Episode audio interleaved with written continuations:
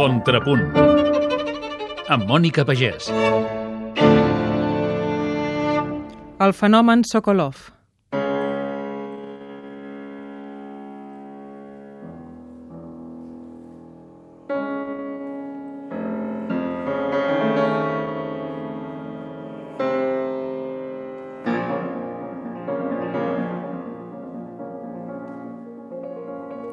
El Palau de la Música Catalana es va omplir un any més de la devoció cap a un dels pianistes més admirats del panorama internacional, Grigori Sokolov, un músic que no necessita cap campanya de màrqueting ni cap imatge extravagant per atraure centenes de persones, fins i tot els joves, i captivar-los únicament amb el so i amb la seva genialitat artística. Per aquest concert que s'havia hagut de plaçar, Sokolov va triar dos pilars del repertori romàntic. A la primera part va interpretar dues obres de Robert Schumann, l'arabesc opus 18 i la fantasia en do major opus 17, i en la segona part va tocar tot Chopin amb dos nocturns de l'opus 32, el número 1 i número 2, i la sonata número 2, opus 35.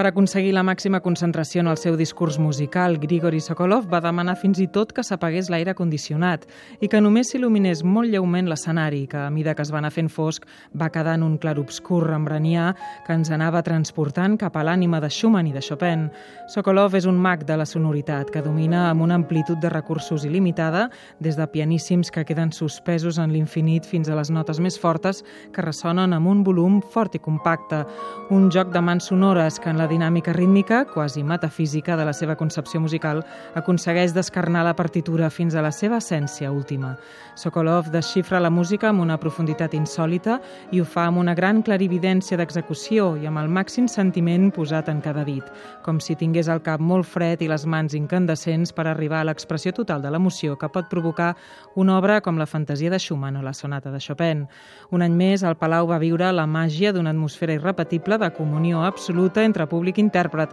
que es va perllongar en una hora més de concert fins a quarts de 12 de la nit, en la que Sokolov, com en els vells temps, va interpretar una tercera part amb cinc moments musicals de Schubert i una masurca de Chopin, el pur èxtasi musical.